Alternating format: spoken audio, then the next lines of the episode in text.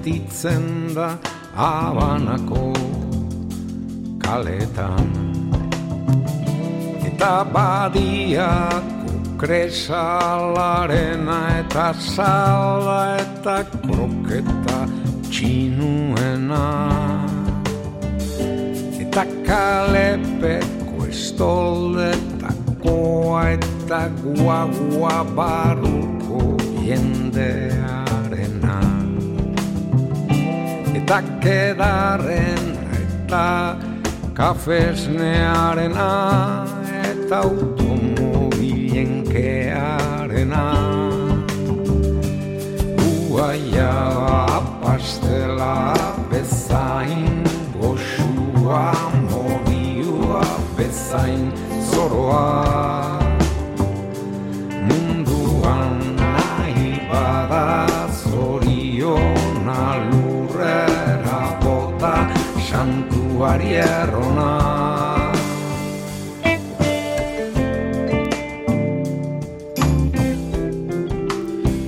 ¿Qué tal estáis? Bienvenidos a la Casa de la Palabra. Os estamos agradecidos por la escucha. En esta ocasión vamos a conocer historias de vida a través de dos conversaciones. Una nos va a llevar a los campos de refugiados de Tinduf, en el Sáhara Occidental, y la otra es la crónica de observación de grandes cetáceos en Canarias. ¿Cómo es la situación sanitaria en los campamentos de refugiados saharauis en Tinduf? Van a responder a esta pregunta dos nativos del Sáhara Occidental nacidos en Dagla. Así estaremos con Sadanet Moch, voluntario de Médicos del Mundo Euskadi, y en guía Mahyub, que pertenece a una asociación de mujeres que ofrece apoyo a personas con necesidades especiales en los campamentos de refugiados de Tinduf. Ambos han sido educados en Cuba desde que eran niños y han estado pues hasta terminar la carrera universitaria. Nos cuentan también cómo fueron sus estudios en Cuba y cómo fueron acogidos en este archipiélago del Caribe. Luego llamaremos a Tenerife. Lo haremos para entablar conversación con Teo Lucas. Él es adicto a la mar, cronista de la vida de los cetáceos en Canarias. Realiza observaciones desde su barco, también se sumerge con su cámara submarina y aporta datos científicos. Divulga, sobre todo entre los jóvenes, el medio marino. Ha tenido encuentros con delfines, tiburones, calderones y cachalotes. Teo Lucas ha viajado para observar especies de ballenas que desconocía en Canarias y para ello se ha ido hasta Canadá, Islandia, Galápagos, Patagonia, Argentina, Sudáfrica, Namibia. Nos lo cuenta todo esto, pero ahora nos vamos hacia el Sáhara Occidental.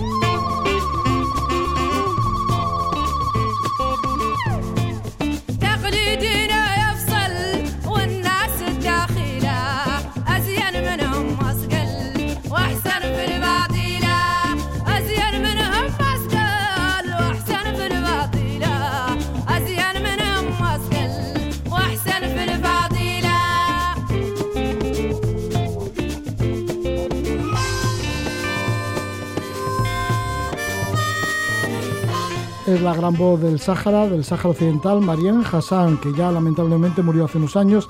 Tuvimos la suerte de entrevistarla en este mismo programa, en la Casa de la Palabra. La música de Marianne Hassan nos va a llevar a los campamentos de refugiados de Tinduf. Vamos a hablar de ello y sobre todo del tema sanitario. Vamos a conocer algo más de cerca esas condiciones sanitarias de los campamentos de refugiados saharauis en Tinduf, en Argelia. Lo hacemos a través de los proyectos sobre el terreno que lleva Médicos del Mundo. Tenemos con nosotros a Sid Ahmed Mo, voluntario de Médicos del Mundo Euskadi. Está en el grupo de cooperación internacional Diremos que Sid Ahmed nació en Dagla en el año 1970, al sur del Sáhara Occidental. Diez años después se instaló con su familia en los campamentos de refugiados de Tinduf, estudió veterinaria en Camagüey y en Cuba y actualmente reside en Bilbao. Le damos la bienvenida. ¿Qué tal estás, Sid Ahmed? Muy buenas noches. Muy bien, muchas gracias.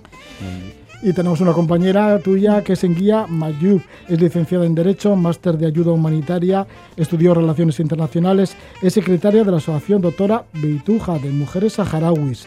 Dan apoyo a las mujeres saharauis y también a personas necesitadas especiales en los campamentos de refugiados de Tinduf. En guía nació en Dagla, también en la misma ciudad que Sidamed, en el año 1974 se trasladó de niña a Tinduf y con 12 años se fue a Cuba a estudiar, primero en la Isla de la Juventud y después en Santa Clara. En Guía Mayú, bienvenida, muy buenas noches. Buenas noches, gracias. Bueno, pues antes de conocer los proyectos que llevan médicos del mundo Euskadi en Tinduf, me gustaría preguntaros un poco por vuestras mm, vicisitudes personales, ¿no? Por ejemplo, ¿cómo llegasteis y por qué a los campamentos de refugiados? Vivíais en Dagla ambos. Supongo que vuestras familias no sé si os se conocerían o no. No, no, no. Creo que no. Bueno, entonces, como en tu caso, mm. sí, Sidan Bueno, en, el, en, en, mi caso, mm, pues eh, como habías dicho, nací en Dagla, que es antiguamente la llamaban Vía Cisneros. En tiempos de la colonia española. En, en tiempos de la colonia española. Entonces, el hasta el 75, 76, cuando las retiradas de España del Sahara, pues mi familia se vio obligada de, pues, de salir del territorio por los conocidos acuerdos que han tenido, pues, ha tenido España con Mauritania y Marruecos. Y mi padre, que formaba parte del ejército español, es decir, que era sargento de policía territorial, pues vio la obligación de salir en aquellos pues, años surge lo que es el Frente Polisario, 73, y se incorpora. Entonces, pues la única manera de poder salir, no pudimos salir la familia completa, salí solo yo y mi padre. Se quedaron mis hermanos, mi madre, entonces fuimos pues eh, por el desierto, nos recibieron pues eh, el, Polisario nos recibió pues, y hemos ido a lo que son actualmente los campamentos de refugiados. ¿Y tu madre sigue allí en Dagla? Pues lamentablemente falleció el 2012, pero siguió ahí, es decir, que no le permitieron salir y se vio obligada con un hermano mío que es el menor y se quedó ahí y falleció pues el 2012. Así que la familia se quedó dividida. Dividida. Y sigue actualmente dividida porque parte de los hermanos también siguen ahí en Dajla. Sí. ¿Y tu caso en Guía es parecido? Eh, casi parecido. Con la Marcha Verde, eh, mucha, mucha población se vio obligada para salvarse, para salvarse eh, a huir del territorio del Sahara. Entonces mi familia, como muchas familias, o sea, tuvieron que huir el primer camión que, que, pasaba, la gente tiraba a los hijos o subió un familiar. O sea, hay familias que se quedan divididas, como el caso de él, porque no había infraestructura, no, no, no, no había nada preparado para, para tal situación. Entonces, era, tenían dos opciones, o quedarse allí sin saber si podían seguir vivos o no, o ir uh, de, de, de, los bombardeos uh, en su día por la Marcha Verde. Sí, porque llegó la Marcha Verde, invadió mm. Marruecos el territorio del Sáhara Occidental. Sí. Hubo un éxodo de saharauis. De saharauis. El caso, claro, es el vuestro. Mm, mm. Y además bombardearon, ¿no? Bombardearon a los, a los refugiados, a los que iban refugiados. Eh, durante el éxodo, durante el éxodo, pues la, la, población que salía pues a incorporarse a lo, donde estaba el Polisario, es decir, fueron bombardeadas por uh, las fuerzas de Marruecos, bombardeados incluso por armamento pues prohibido internacionalmente con napalm, fósforo, mm. es decir, bombas de napalm, de fósforo, durante, el, sí, durante la marcha, porque la gente iba saliendo en dependencia de las condiciones que tenía con que poder salir. Ya, en las condiciones que de repente salían y, y, y, por el desierto hasta, hasta Tinduf. Sí, porque los acuerdos se han formado entre el gobierno español eh, entre Marruecos, el gobierno español y Mauritania. O sea, no consultaron al pueblo saharaui. Y entonces ha sido como, el pueblo saharaui ha sido como sorprendido con tal magnitud. O sea, la Marcha Verde, o sea, población civil venía, en teoría, en misión de paz los marroquíes, pero el ejército detrás de ellos. Entonces la gente empezó a huir y empezaron a bombardear la gente, o sea, con armamentos, como ha comentado Sid Ahmed, prohibidos. Mm, yo creo que la misión era acabar con la población saharaui. Entonces la gente salió, hay gente que han huido en camiones, en coches, andando, en camellos, y o sea, en el camino se quedó mucha gente, ancianos, niños, mujeres. O sea, No puedo hablar de eso porque me, emociona. Ya. Entonces... ya, claro. Y erais muy pequeños, erais niños todavía, pero ¿recordáis cuando llegáis a los campamentos de refugiados de Tinduf? ¿Con qué os encontrasteis? Bueno, sí, yo... Yo no. No te acuerdas, ¿no? Sí, llegué con unos, me parece que nueve o diez años. Sí. Sí. Y la verdad que, ¿sabes? Un niño, te parecía todo, era lamentable la situación que se vivía, pero como niño y la inocencia de un niño, sabes lo que te importaba es jugar, correr por toda esa extensión del desierto.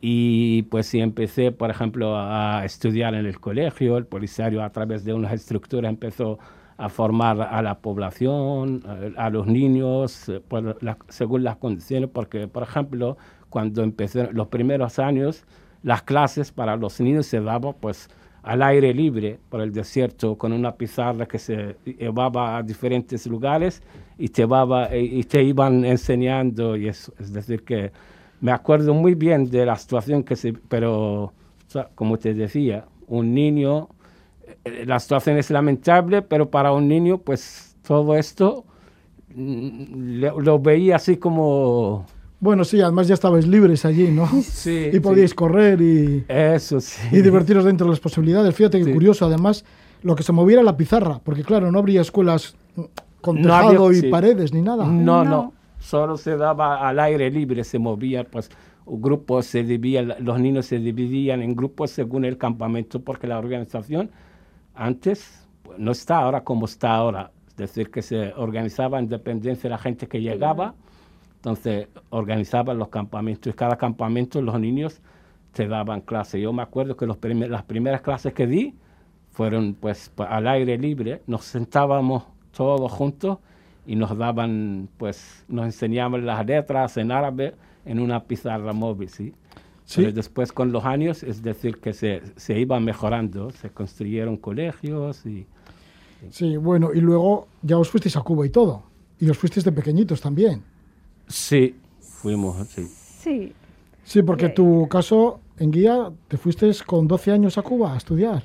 Sí, yo creo que, que con el objetivo, o sea, con la situación que había en aquel entonces, la guerra, no había infraestructura, eh, digamos, sólida para, para los, la mayoría, o sea, de los niños. El objetivo del Frente Polisario, uno de los objetivos, es formar toda la población. Entonces, como, que tuvieran estudios todos los niños. El 100%. Y como comentaba mi compañero, o sea, improvisaban colegios fuera, o sea, daban clases fuera a los niños y a las mujeres también. Entonces, los jóvenes en su día que, que tenían formación básica, fueron ellos que empezaron a dar clases. Entonces luego empezó el Frente Polisario haciendo convenios con Argelia, Libia y Cuba y empezaron a mandar los niños. Así que estáis agradecidos también a Cuba, porque allí os tirasteis muchos años de estudios, hasta que terminaste la carrera en tu caso. Sí, en Guía. sí, sí, yo estoy agradecida. ¿Terminaste la carrera de Derecho? Yo terminé la carrera, yo estudié secundaria, o sea, a partir de sexto de secundaria hasta terminé la carrera. ¿Y en tu caso? Sí, que terminaste veterinaria. Terminé de sí, veterinaria. Y es decir, que hemos estado, como habías comentado y había dicho en guía, sí, que hemos estado la mayor parte de nuestra vida allí en Cuba. Incluso a nosotros ahora, hasta en estos días, nos llaman cubarawis. somos eh, cubanos y saharauis a la vez. Cubarawis, nos dicen cubarawis, hasta los saharauis nos llaman así, cubarawis. Así. ¿Y cuál es el carácter de los cubarawis? ¿Cómo se han formado y cómo, bueno, y cómo sois? Bueno, somos, ya hemos tenido las dos mezclas, ¿sabes? Hemos cogido de nuestra sociedad y tenemos pues la parte, pues era algo normal estar 12, 15 años en una sociedad, pues, y la etapa más importante de tu vida, que es la adolescencia, la niñez, hasta que ya llegas a la juventud, sí, que llevamos también parte de lo que es el cubano en sí. Sí, ¿os daría pena dejar Cuba? Eh, yo sí, porque realmente al final hemos pasado eh, nuestra adolescencia, juventud, hemos formado nuestra personalidad allí y quieres o no, eso te marca. Y yo creo que la mayor, o sea, no quiero decir que el 100%, pero el 90 por 9 se sienten como muy agradecidos y sienten, se sienten como cubanos. Aunque no somos cubanos, pero tenemos una parte de esa cultura de este país ya en nuestro ser. Entonces, estamos agradecidos y, y se añora a veces. Sí, también cuando vuelves de Camagüey, de Cuba, con el título de veterinaria, regresas de nuevo a los campamentos de refugiados de Tinduf. ¿Y cuál es tu misión? ¿Cuál es tu trabajo allí? Pues con tus compañeros saharauis. Sí, empecé a trabajar ahí en, eh, en los campamentos, hay una granja avícola. Empecé a trabajar ahí como veterinario.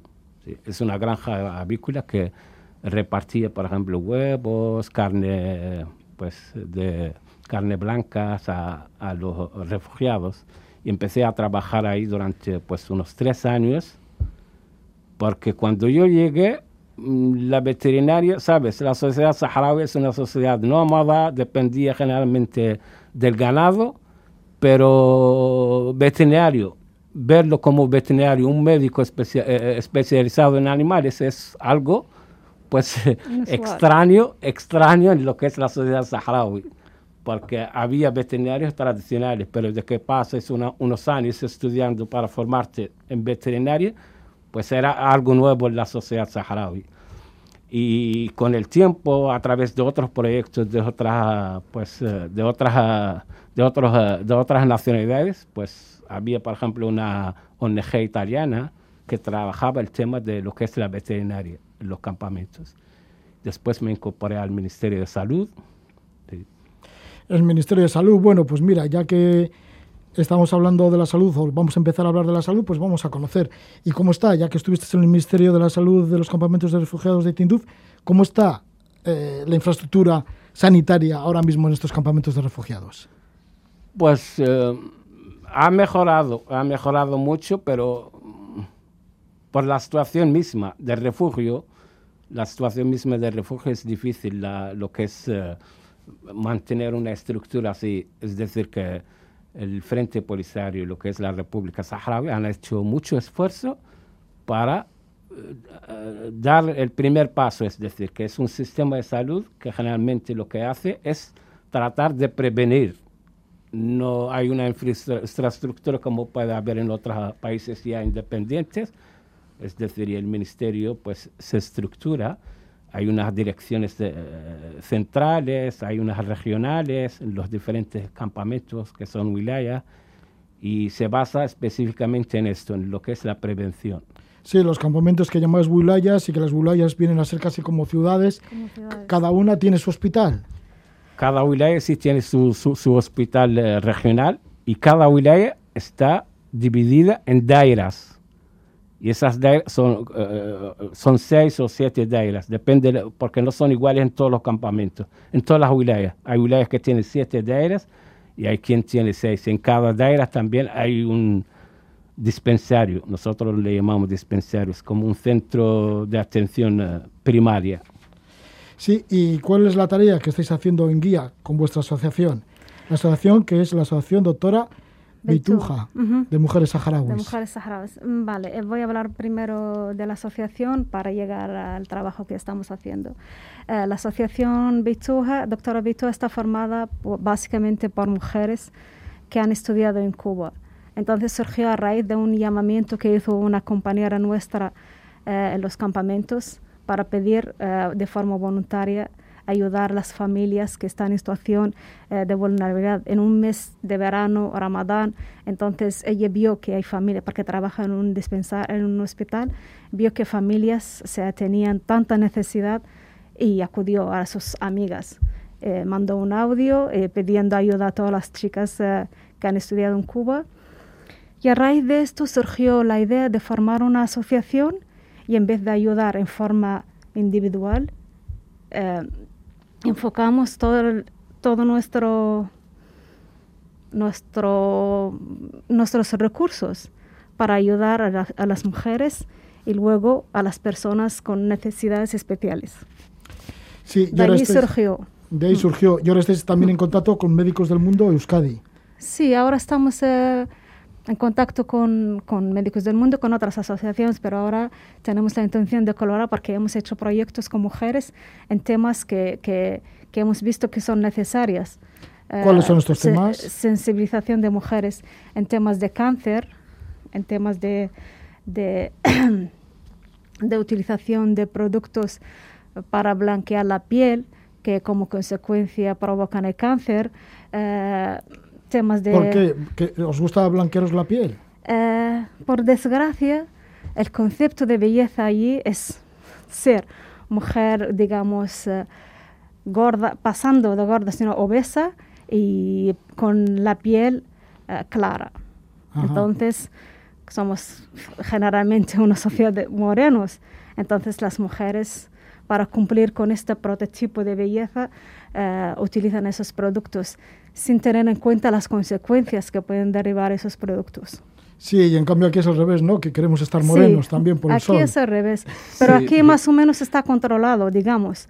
Pero allí usan productos que, que, que primero no tiene control. Eh, segundo, ¿Qué eh, productos son? productos que tienen Pues sí, corticoides, son generalmente productos, son medicamentos. medicamentos. No son productos, son medicamentos como corticoides, Ujú.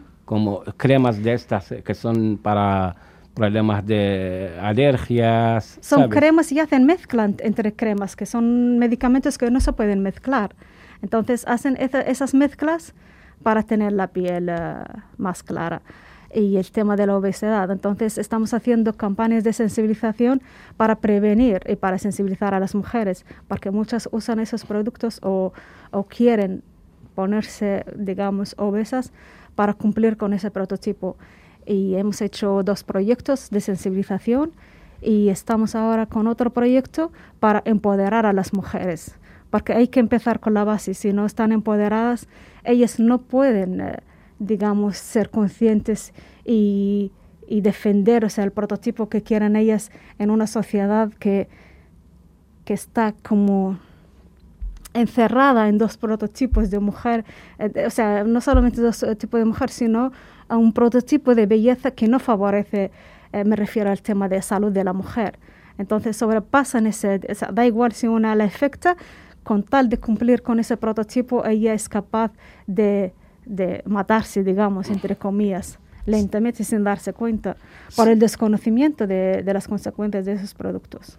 Sí, Dan Messi, ¿qué es lo que está haciendo Médicos del Mundo? Del Pues, mundo en los campamentos de refugiados de? Médicos del Mundo, pues eh, lleva años, lleva desde el 96 que está haciendo pues, proyectos en los campamentos y cada año pues mejoran más o se amplían más los, los, eh, los proyectos. Antiguamente, pues en los primeros años era una comisión médica oftalmológica que iba a hacer revisiones a, a la gente, hacía operaciones que se pueden hacer las condiciones en que están los campamentos. Con los años se, se iban ampliando los proyectos. Actualmente Médico del Mundo trabaja el sistema, pues trabaja proyectos en lo que es materno-infantil, trabaja pues el seguimiento de las mujeres en cuanto a embarazo, trabaja también el tema de sensibilización, como había hablado en guía, hacemos pues Médico del Mundo hace talleres en cuanto a, a sensibilizar la población de ahí del tema del peligro, como los que, que estaba comentando en guía, los productos eh, eh, medicamentos, son productos, no, son Sí, medicamentos media- que se utilizan, como te había dicho ella, so- so, el canon de la mujer ahí es estar obesa y blanca. Es decir, generalmente las personas siempre quieren ser lo que no, Lo que no son, son de verdad, sí. Y es, eh, es un tema muy complicado, es decir, que traba- está trabajando medicamentos, este, también Médico del Mundo en lo que es el fortalecimiento de las instituciones sanitarias y de los campamentos, eh, formación del personal, es decir, que y aquí en Médico del Mundo, pues llevamos un grupo, como habías dicho al inicio, llevamos un grupo de cooperación internacional, que yo formo parte de él, y trabajamos no solamente en el Sáhara, en otros eh, terrenos, como en Senegal, en Mauritania, es decir, temas.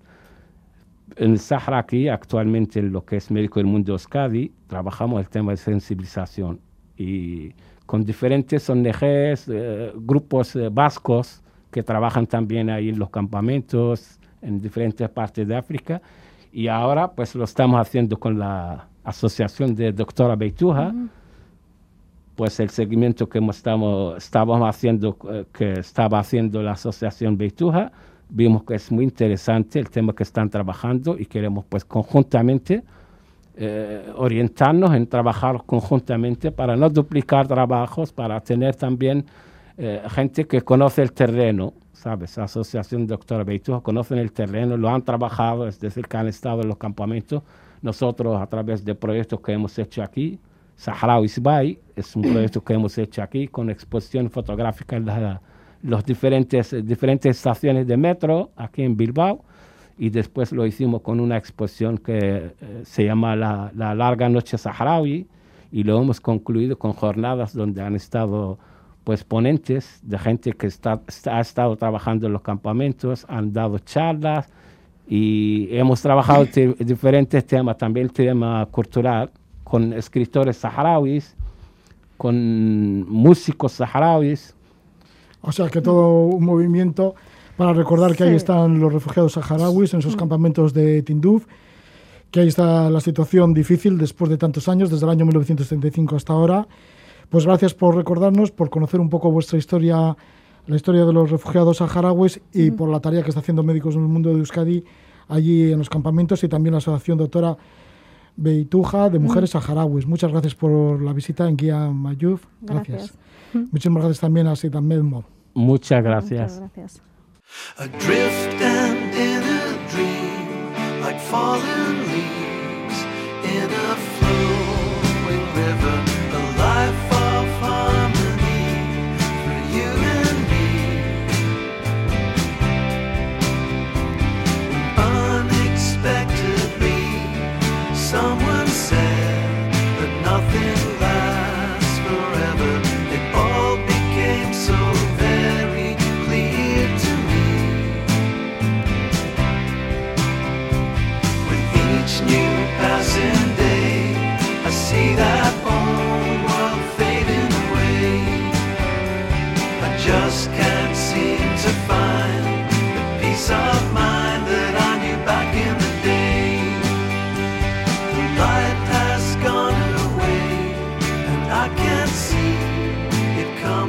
la música del grupo escocés Teenagers Fan Club con el tema Back in the Day de su disco Endless Arcade, un disco del año 2021.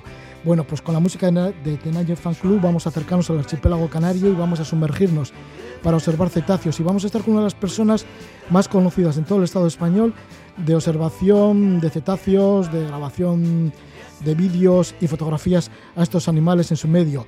Estamos con Teo Lucas. Él es un entusiasta divulgador de los cetáceos que habita en el archipiélago canario. Él es fundador de la Asociación Gigante Azul. Nació en Oviedo en el año 1958, se trasladó a Canarias en 1988, es profesor de educación física en el Instituto de Santa Cruz en Tenerife. Destaca por ser un gran observador del medio natural marino, por ser cronista de lo que sucede en la mar, posee un archivo de casi 84.000 fotos sobre vida marina. Suele partir unas 100 veces al año en su lancha neumática del muelle deportivo del acantilado de los gigantes en Tenerife y así se sumerge y con su cama pues capta ballenas, tiburones, angelotes, delfines, tortugas, orcas, cachalotes. Le damos la bienvenida a Teo Lucas. Muy buenas noches, Teo. ¿Qué hay? Buenas noches, ¿cómo estamos? Teo, bueno, pues que ya, ya sé que a ti no te va a gustar esto, pero yo creo que eres una persona bastante legendaria. La primera vez que oí hablar de ti fue en el puerto de Bermeo, en Vizcaya, que decían, si quieres conocer a alguien que de verdad está en comunicación con los cetáceos, acude a Canarias y vete a localizar a tío Lucas. Sí, eso te lo habrá dicho Gorka, pero, pero bueno, no, yo creo que muchas veces se fantasea mucho sobre, sobre las personas y sobre los personajes, ¿no? Y, y el problema es cuando pasas de ser persona a personaje pues va de boca en boca y luego al final la gente cuando te, conoce se lleva una profunda decepción, pero bueno, eh, la, sí. Eh, me he reconocido en la presentación que me has hecho, pero no dejo de ser un profesor de educación física, un funcionario que, su pasión son los cetáceos, así de simple. Sí, en Bermeo me lo ha contado Gorka Ocio, que sale a ver ballenas, que es colega tuyo también, porque pero está en el Cantábrico y en la costa vasca, porque Gorka, aparte de ornitólogo, pues suele ir en busca de ballenas es una salida muy, muy recomendable, es una salida muy recomendable para todos los vascos. Sí, desde luego que sí. Pero no solo me lo ha dicho Gorka, ¿eh? también en el puerto de Bermeo me lo ha dicho más gente, así que bueno. Bueno. Bueno, el caso es que sí, ¿te consideras un adicto de la mar? Sí, sí, sí, eh, sí, ahora mismo sí. La verdad es que no me interesa nada más. O sea, no eh, soy un junkie de- del azul, ¿no? Entonces necesito cada tres días metérmelo en vena y salir al mar y, y ver a ver qué, qué pasa, ¿no? La estacionalidad del año, todo. Bueno, sí, me convierto, me he convertido en una persona adicta sí, a salir solo al mar. sí. Teo, ¿y cómo te encuentras en el medio marino? ¿Te encuentras casi como un pez en, en No, el mar? bueno, sí, yo me encuentro muy cómodo, ¿no? Pues, y en el agua todavía más, pero no siempre voy al agua, depende de, de- de las circunstancias, ¿no? Entonces, bueno, yo soy feliz ahí, sobre todo porque cuando salen, a mí lo que más me emociona de lo que hago es que no sé lo que me voy a encontrar, ¿no? Yo hay veces que sueño por las noches con encuentros de determinados animales o conductas y muchas veces la naturaleza me sorprende. Me, me, hace sentir o ver cosas que no había ni soñado. Entonces eso es lo que más me, me atrae de, salir al mar. Enseguida hablaremos de esos animales que has fotografiado, que has captado también en vídeo. Y que simplemente pues has, has interactuado con ellos. Pero, ¿cuál es la diversidad marina que posee el archipiélago canario? ¿Cuál es esa riqueza que tú tienes el gozo de, de observar? Sí, bueno, el- el- realmente eh, el archipiélago canario tiene unas características eh, eh, muy especiales porque eh, tiene aguas frías, aguas cálidas, está muy cerca del trópico y, y que tiene una peculiaridad, ¿no? Que, que ahí confluyen muchos cetáceos, de la, digamos que de las 86, 87 especies de cetáceos, aquí en Canarias se han visto 31. En donde yo me muevo, en el canal de Pring, entre La Gomera y Tenerife, pues eh, creo que van como 20 especies, ¿no? Ya, entonces el atractivo de- del archipiélago es que en una salida normal como para turistas lo, lo normal es ver de dos a cinco especies, ¿no? Entonces en una excursión de dos horas, entonces eso tiene, una característica muy especial con respecto a otros países, ¿no? Que, las ballenas están en, en determinadas épocas porque son estacionales, porque eh, pero luego llega el invierno y la cosa se complica. Entonces aquí realmente vemos cetáceos y los vemos bien eh, todo el año. Teo, ¿y cómo ha sido tu evolución para ir a observar cetáceos? Porque sé que al principio, como profesor de educación física, ibas con los chavales de, del instituto y les Sí. ibas a llevar a, a ver delfines. y Sí, así. en un principio todo surgió en el, el año 98, cuando yo, ahí hay un barranco mítico, la gente lo conocerá, que es el barranco de Masca, y entonces con mis alumnos lo que hacía bajar el barranco, luego llegaba un barco que era el Nasira 1, nos recogía y nos enseñaba los delfines que estaban muy cerca del barranco, ¿no? Y a partir de ahí, pues un poco también los, mis propios alumnos, viendo las caras, el entusiasmo, pues dijeron, bueno, pues esto la verdad es que es una actividad que, que me interesa. Y a partir de ahí tuve en ese barco subido 10 años, durante todos los fines de semana, para, para tener mm, adquirir un material fotográfico que yo en ese momento no tenía. Hasta que ya te compraste tu propio barco, tu propia lancha neumática y con ella sí. cambió la perspectiva que tenías de... Claro, cambió ¿De la porque, observación de cetáceos? Claro, porque una excursión turística eh, tú lo ves durante un tiempo que no supera los 20 minutos. Entonces, ves una parte muy limitada de la vida de ese. De la- y ahora mismo pues, me permite mm, estar más tiempo con ellos y ver que, cómo se, se relacionan, si se alimentan, si no. Al final es un tema de tiempo, ¿no? Yo lo, el, el tema es que a mí me obsesiona estar el mayor número de tiempo, de horas en el mar, porque si ahí, ahí van a pasar cosas, ¿no? Y al final, claro, no puedes pretender que con 20 minutos de observación, pues pasen muchas cosas, ¿no? Sí, ya has dicho que eres adicto, así que... Y además ya hemos nombrado también que haces como unas 100 salidas a la mar.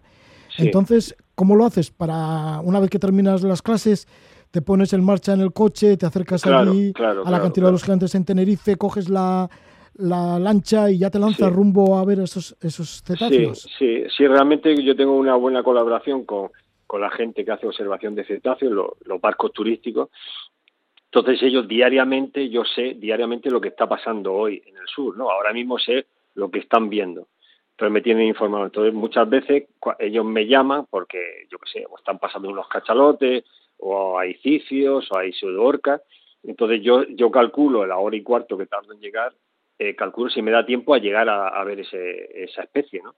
Y a partir de ahí es un juego de, bueno, de, de, de, de- ir y encontrar, ¿no? O sea, bueno, es, es un poco estresante, pero es así, ¿no? Porque la hora y cuarto de llevando el coche, pues eh, no, te puedes imaginar cómo es, ¿no? O sea, por dónde van, a qué, qué rumbo llevan, qué velocidad, sin saber si, si, cuando yo me suba en el barco, eche gasolina y salga pitando, puedo llegar a verlo. Bueno, pues ahí está la emoción. Pero sí que necesitarás un permiso oficial para sumergirte bajo el agua con cetáceos. Claro, claro, claro. Sí.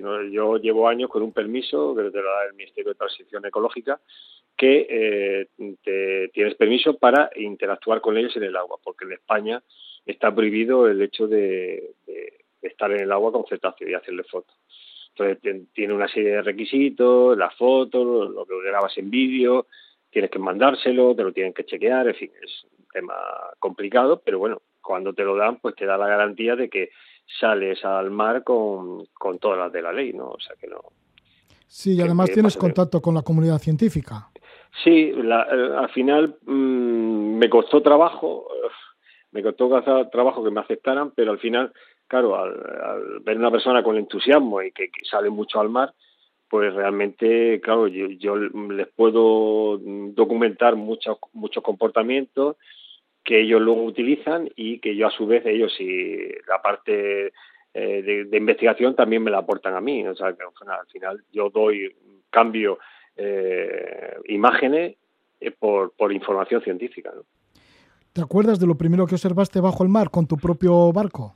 Eh, bueno, yo me acuerdo la primera vez que vi un delfín bajo el agua y fue un esteno verenadensis, es un, un delfín de diente rugoso al cual le hice una foto, esa foto pues claro está archivada en lugar mm, en mi cabeza y en, mi archivo fotográfico está como la primera, ¿no?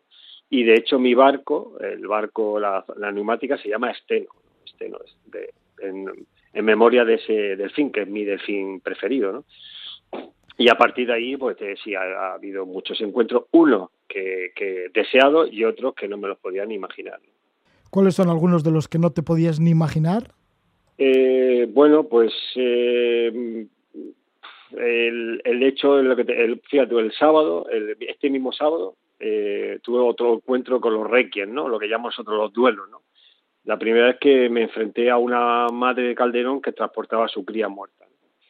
Yo, la, cuando me tiré al agua a fotografiarla, no sabía qué iba a pasar, si, me iba a atacar, no me iba a atacar, o, la manada se iba a sentir incómoda. Y bueno, de, esa experiencia luego han venido otras, ¿no? Pero este sábado tuve una y cada, cada encuentro es diferente. Y bueno, pues es un comportamiento muy peculiar de los calderones tropicales y muy emotivo, ¿no? Porque claro, estás viendo a una madre eh, transportando a su cría muerta sin reconocer la muerte, eh, llevándola por la boca y, y emitiendo un sonido que, que, te invaden por todos lados, ¿no? O sea que es algo muy muy emotivo. Con los Luego, calderones pues, tropicales, pero también con los delfines, ¿no? También has retratado sí. a una madre transportando a una cría muerta. Sí, sí, sí, también, también. Incluso en una ocasión con un delfín, eh, me lo, eh, me acuerdo que, me dijeron que había un delfín con una cría muerta y también yo me tiré y, le cogí la cría muerta, que la dejó y yo la cogí, la subí a la zodia y la llevé para que le hicieran la, la necrosia, ¿no? O sea, cada salida es, es, es distinta, ¿no? Y cada encuentro es diferente. Hay veces que es agradable, otras veces que es desagradable pues eso, ¿no? Hay una gran diversidad de, de encuentros con, con diferentes eh, sensaciones. ¿no? Los calderones y los delfines, ya que hablamos de ellos, ¿te respetan? ¿Te dejan? Digo, porque esto bueno, de, de, los requiem será bastante íntimo, ¿no? Esto sí, de, sí, lo que pasa es que si no deja de, de, asombrarme, cosa que no pasaría en el medio terrestre, que yo me puedo acercar a una hembra de calderón que puede medir cuatro metros que lleve a su cría y además con los ojos como platos, o sea, sufriendo y no reconociendo la muerte de su cría, y yo pueda estar nadando a un metro de ella, ¿no? Pues, hombre, la verdad es que me impresiona, ¿no? Porque eso te dice mucho de también de la nobleza de estos animales, ¿no? Cosa que a lo mejor con otros delfines más pequeños no pasa, ¿no? Porque yo sí, te, o sea, los delfines también, los encuentros dependen de, de su estado de ánimo, ¿no? Pueden que estén comiendo, pueden que estén socializando, pueden que estén copulando, los puedes pillar de muchas maneras. Y, cada encuentro, dependiendo de ese comportamiento, pues te puede afectar o no, ¿no? Es decir, te pueden tolerar o no. Hay veces que a lo mejor son delfines pequeños, de estos delfines moteados, y de repente pues no, no, no, no te toleran, te mandan mensajes y tú tienes que salir del agua.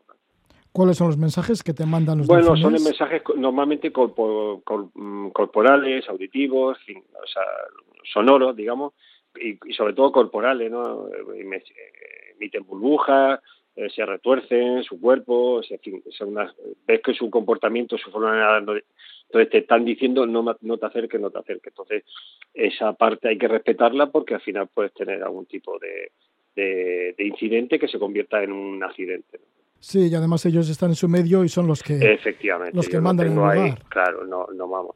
tengo, tengo todas las de perder, evidentemente. Sí, porque si un delfín se pone malhumorado, ¿qué puede pasar? Eh, bueno, si, un delfín se pone canilloso conmigo, me mata. Y si se pone, si se enfada y me ataca, me mata. O sea, si yo, si un delfín o una ballena interactúa conmigo en, en alta mar, probablemente tenga muchos problemas, ¿no? O, o bien se pone cariñoso o bien se pone violento. Cualquiera de las dos circunstancias me va a afectar, ¿no? porque yo no tengo capacidad para solventar ese, ese tipo de, de incidentes. ¿Qué pasa si se pone cariñoso un delfín? Pues, pues que me, me- me- probablemente me ahogue. Claro, o sea, es, es así, ¿no? O sea, es decir que ya ha pasado, ya en, en Gran Canaria hubo un problema con una señora mayor y, y murió, murió. Es el único caso de hace pues 15, 20 años, ¿no? ¿Qué pasó con la Eh, señora mayor? Bueno, porque había un, un macho activo y tal, y quiso relacionarse con, con esta señora, que una señora con un gorro blanco, que nadaba, una alemana, y bueno, entre juego y juego, pues le rompió el brazo, eh, el guince cervical y, y la mató. ¿Los delfines son tan inteligentes y empáticos como dicen o no? Yo tengo mis dudas, ¿no? Si- siempre hemos hablado, yo creo que le hemos puesto demasiadas cualidades, ¿no? A no, entender el mundo en que viven y las adaptaciones que tienen, yo creo que les hemos puesto demasiadas cualidades que luego les perjudican, ¿no? Por el tema de la delfinoterapia, eh, tal. Yo, yo creo que que son animales que ya están considerados como personas no humanas, ¿no? Son animales gregarios que tienen comportamientos muy peculiares, que lo- nos pueden sentir empáticos con ellos, ¿no?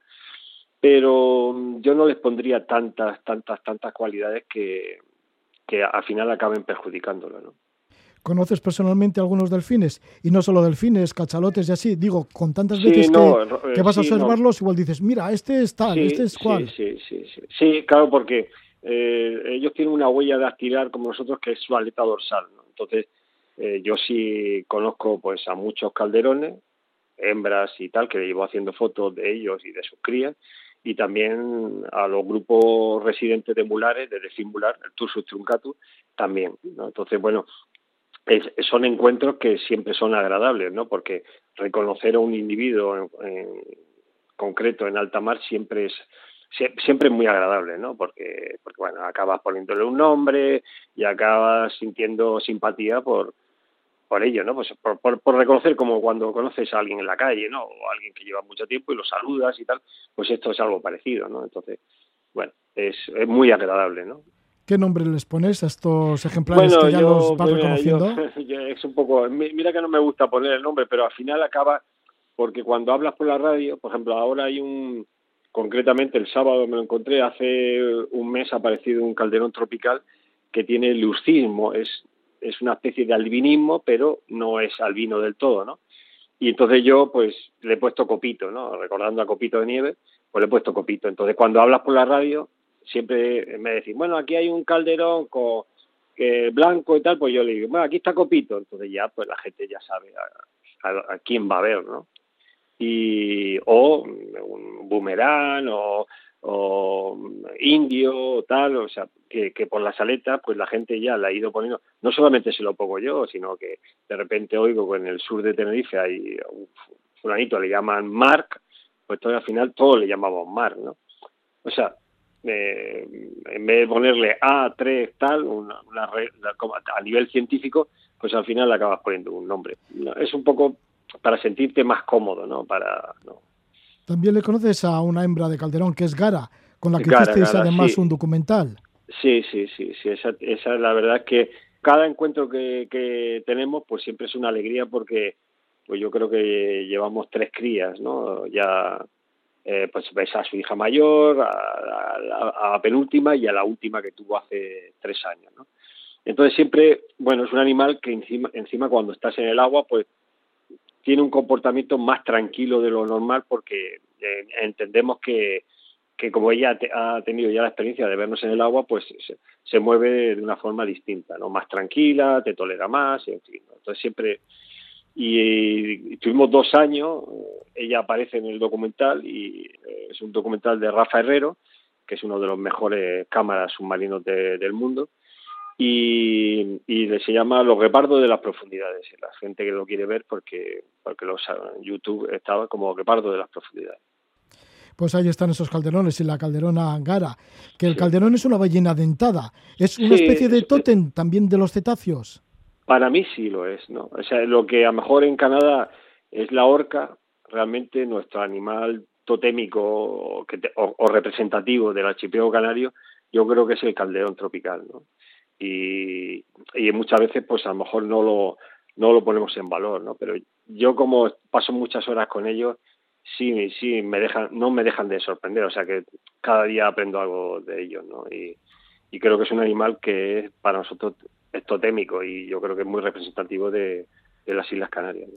Te preguntas algunas veces cuando estás en tu lancha, en tu lancha neumático, si pasa una orca o un tiburón bastante más grande de lo habitual, si te lanzarías a sumergirte con ellas o no. A veces te atrae tanto que, que no lo piensas demasiado.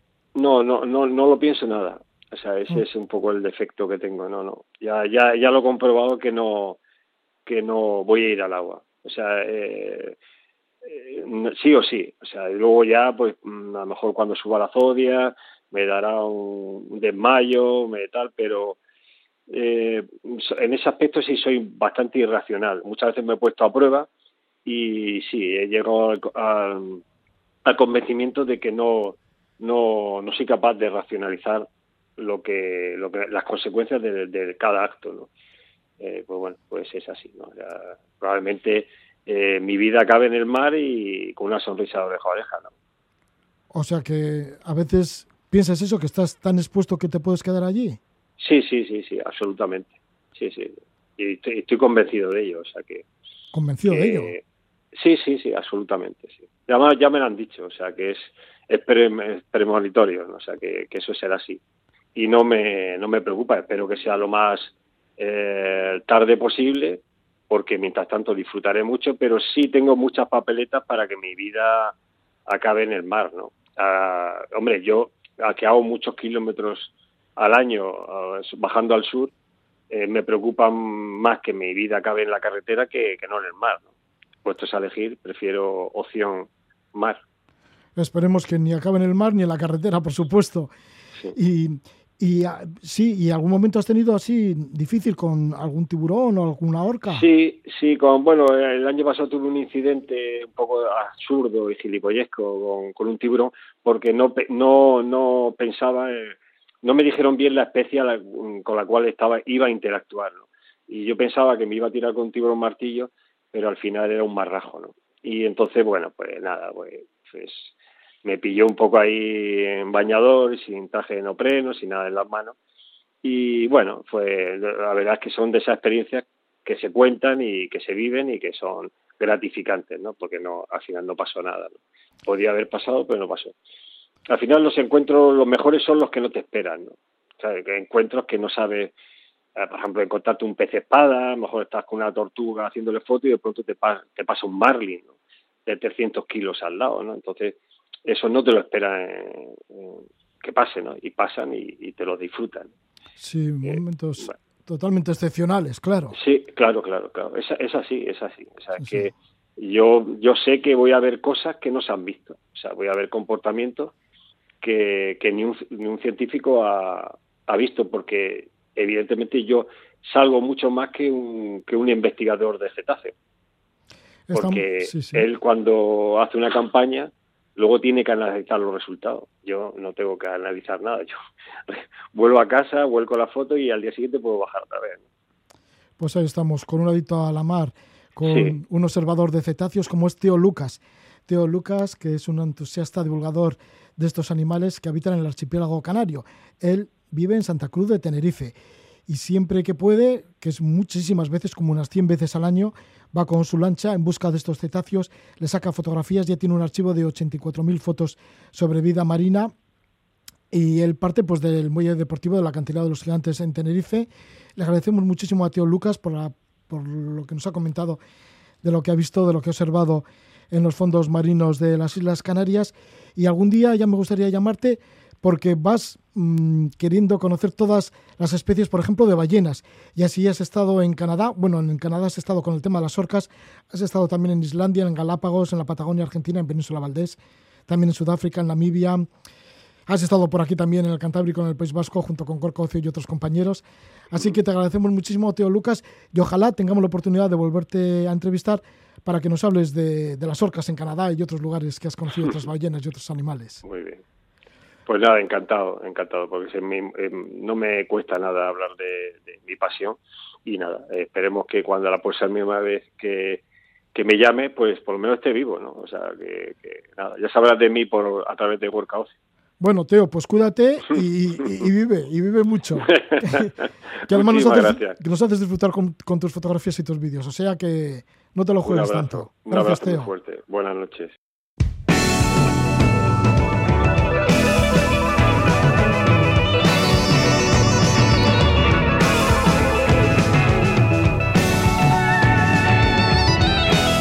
Teo Lucas, cronista de la fauna marina en Canarias, un hombre en conexión con el mundo animal y la mar. Ahora escuchamos a Holly Rain, son de Oakland, California. Su cantante y líder es Ethan Miller y de su disco de Well, una de las canciones. Que vaya todo muy bien, que disfrutéis. Mucha suerte.